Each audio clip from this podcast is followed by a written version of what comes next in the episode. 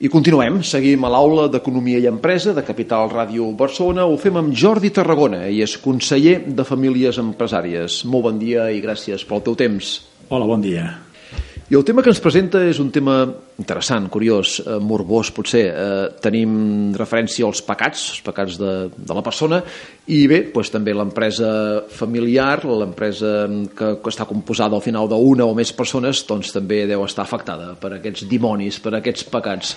Com, com afecten els dimonis a l'empresa? Correcte. Eh, com a totes les coses de la vida, eh, l'empresa familiar i la família empresària té tentacions té tentacions que, per simplificar i fer-ho gràfic, jo presento, represento amb un dimoni de set caps.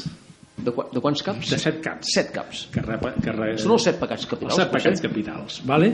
i que li poso un acrònim per recordar-lo que és OCAIDIS, que està fet amb la primera lletra de cada pecat. No? El, el primer és l'olvid, el segon, la confusió, el tercer, la denització, el quart, la incomunicació, el cinquè, la desafecció, el sisè, la improvisació i el setè, i pitjor de tots, la soberbia. Mm. Eh, l'oblit. L'oblit vol dir oblidar-se que a l'empresa familiar el substantiu és empresa, familiar és el subjectiu. Que l'empresa, com a tal, ha de funcionar, ha de ser rendible, avui i ha de tindre futur com a negoci pel dia de demà, i que ha de ser atractiva pels continuadors. Mm? Aquest és el, primer pecat, oblidar-se d'això. El segon és la confusió, no? confondre propietat i capacitat. Pensar-se que pel, set de, pel simple fet de ser accionista un té capacitat de dirigir. És com si ens penséssim que l'accionista d'una companyia aèrea, pel fet de ser accionista, està capacitat, capacitat per portar un dels avions o per dirigir el tràfic aeri. És dir, propietat, govern i direcció són tres coses diferents uh -huh. i no s'ha de confondre. Mm? Això a vegades s'oblida. També hi ha confusió, per exemple, molt típica de retribucions. Confusió de retribució del treball i del capital. No? pagar poc com a treballador o un empleat perquè ja ho cobrarà com a dividendos o algun dia l'empresa serà d'ell és una confusió no? o pagar massa per pagar menys dividendos no? això és mentre és una sola figura una sola persona o els accionistes són gemelars, són idèntics en participació i treballen a l'empresa bueno, encara es pot aguantar però quan hi ha accionistes que no treballen a l'empresa s'ha de tindre molt clar de la retribució pel capital és una i la de treball és una altra. I que totes dues han d'estar a nivell de mercat. Ni per sobre ni per sota. A nivell de mercat pel tamany de l'empresa i pels seus resultats. Aquests serien els, els dos primers pecats primer, clar, ens fa referència clara a que l'empresa busca beneficis i per tant ha de ser eficient. En canvi, l'empresa familiar, la família és un món de defecte, d'estimació... No? De... Sí, eh, empresa i família són dos coses amb aparència contradictòries. Com bé dius, l'empresa busca la riquesa, es regeix per la meritocràcia, la família busca la felicitat i es regeix per l'amor. Però no podem equivocar-nos de que a l'empresa familiar empresa i família són dues cares de la mateixa moneda formen part no? també aquest és un dels atractius té els seus eh, inconvenients o majors riscos però quan funciona és molt més sòlida i molt més forta que una empresa no familiar uh -huh. per tant és important conèixer primer de tot conèixer els, els dimonis per poder-los combatre i evitar caure en les seves tentacions i en relació al segon separar el treball i la remuneració del treball amb la remuneració del capital, clar, està clar que si és una SL o un SA, això és molt important, però pensa en una cooperativa, clar, una cooperativa, el treballador és també alhora propietari d'aquesta empresa.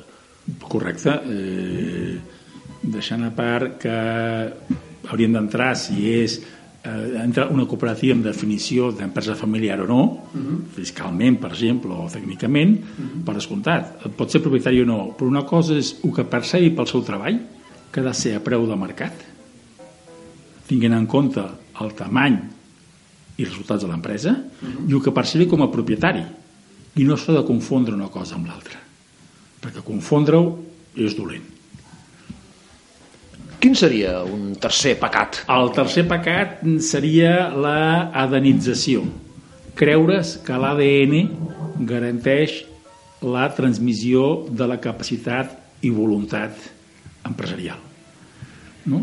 igual que els fills no són clons físics dels pares físicament, en quant a voluntat i capacitat empresarial tampoc ho són no? s'ha d'evitar aquest dimoni que pot pensar clar, quan, quan un té un fill i té una empresa i té un fill o una filla però encara més, vulguem o no, si és un fill el primer, comença a pensar que aquell negoci seria el, de, el dia de demà serà per ell uh -huh. mm? i això d'aquí pot portar a coartar la llibertat de forma conscient o inconscient de la segona generació a no deixar-la eh, valorar la seva capacitat i decidir correctament. No, és important valorar a un punt de vista extern la capacitat de la segona generació i la seva voluntat real. Està clar. De la mateixa manera, també la generació següent hauria de ser conscient de l'esforç que ha que ha calgut a la generació precedent per aixecar l'empresa. Sí, sí, la, la, la generació continuadora ha de ser conscient del que rep i ha de valorar-ho. Però ha d'evitar caure amb el xantatge emocional de que això ho han fet per tu. Mm? Això és, és, és un xantatge que a vegades existeix de forma inconscient, i no amb mala voluntat, sinó de forma inconscient, es fa i es comunica, i la segona generació ha de ser valorar, ho ha de valorar correctament, però d'acceptar, perquè l'empresa té coses fantàstiques, inigualables i que omplen. Però s'ha de voler ser empresari, s'ha de capacitar per ser empresari. No? Si no es pot rebre un regal envenenat. El quart seria la, la incomunicació. No? Encara que sembli mentida, eh, a vegades en una família és els jocs on menys comunicació sincera hi ha. A vegades parla més amb els amics que dintre la família. I en una família empresària la incomunicació pot ser inclús més alta que en una família no empresària. Sobretot si estem davant del fundador. El fundador normalment té un caràcter fort. No? I al costat d'un arbre frondós i fort, néixer, créixer, pot ser difícil. En una família empresària les conseqüències de dir les opinions poden ser més importants que en una família no empresària perquè eh, conscient o inconscientment un s'hi pot estar jugant un patrimoni futur no? i això es pot covardar llavors és molt important i aquesta és una, una responsabilitat total de la generació precedent de fomentar el diàleg sincer que és més fàcil de dir que de fer no? amb la següent generació no? diàleg sincer sobre temes de família i per tant sobre temes d'empresa? El lloc, eh, diguéssim, per exemple els, les, les sobretaules familiars són un lloc molt bo per, per parlar de valors, per transmetre històries de la família per a començar a fomentar el diàleg però després s'han de cercar la construcció d'espais amb els quals realment la família empresària parli com família empresària de les qüestions que li afecten. La incomunicació, quart pecat capital. Quin seria el no, cinquè? cinquè, cinquè. Ah, perdó, cinquè. Oblit, confusió, adenització, quart, incomunicació. Això, sí. I quin seria el cinquè? La, la desafecció. La desafecció, el, el desinterès de la segona generació per l'empresa familiar. No?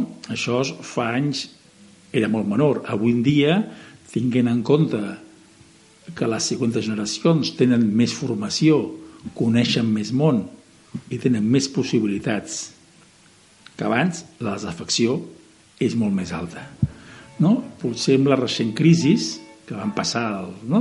a finals de la dècada passada i principis d'aquesta, la desafecció va baixar perquè hi havia més oportunitats al mercat i doncs la gent tenia vàlidament o no més afecció al negoci familiar però eh, la joventut té un alt, sempre ho ha tingut, però un dia molt més, una altra visió i esquema de vida i de forma de vida i d'interessos que la generació precedent. Per tant, s'ha de fer que la següent generació conegui l'empresa, conegui la part bona de l'empresa, no només conegui l'arribo cansat, eh, no? els problemes, els caps de setmana de treballar, no? Que coneguin també el positiu, que coneguin la responsabilitat, la responsabilitat social que té un empresari, o que és construir empresa pel bé de tots, hm? que la coneguin i que l'empresa sigui atractiva per ells. I això potser vol dir també redefinir-la. I un motiu de desafecció, per exemple, si un s'ensuma que hi haurà problemes familiars, ja prefereix no ficar-s'hi. No? Si m'haig de barallar amb els cosins, no m'hi ficaré. Aquest, aquest seria el, el sisè perdó, el cinquè pecat capital. Que això ens remet, si em permets, amb un model d'empresa alemany molt sòlid, el model Mittelstand, aquesta petita i mitjana empresa molt innovadora, molt solvent, amb molta, molt finançament propi d'Alemanya, però que ho vam estudiar conjuntament amb Gemma Carmona, una antiga, una antiga estudiant, una brillant estudiant d'aquí a la FUB, i que certament un dels problemes que té aquest model Mittelstand és justament això, la desafecció, que les següents generacions ja no s'ho senten com a propi i que s'escapen força d'aquesta... És un, dels, és un dels pecats, sí. és un dels grans problemes que té l'empresa familiar avui en dia.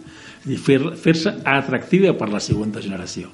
Això d'aquí vol dir eh, potser un altre dia parlarem de, de, de què es pot fer o què s'ha de fer per combatre els dimonis, avui només parlem de quins són, però la desafecció eh, vol dir, per combatre-la, que hem d'acostar la família a l'empresa i en aquí l'hem de conèixer, hem de fer un pla de comunicació, un pla d'acció, un pla d'acostar, per conèixer-la, es treballi o no es treballi, perquè la desafecció pot ser laboral, però la desafecció també pot ser com a accionista.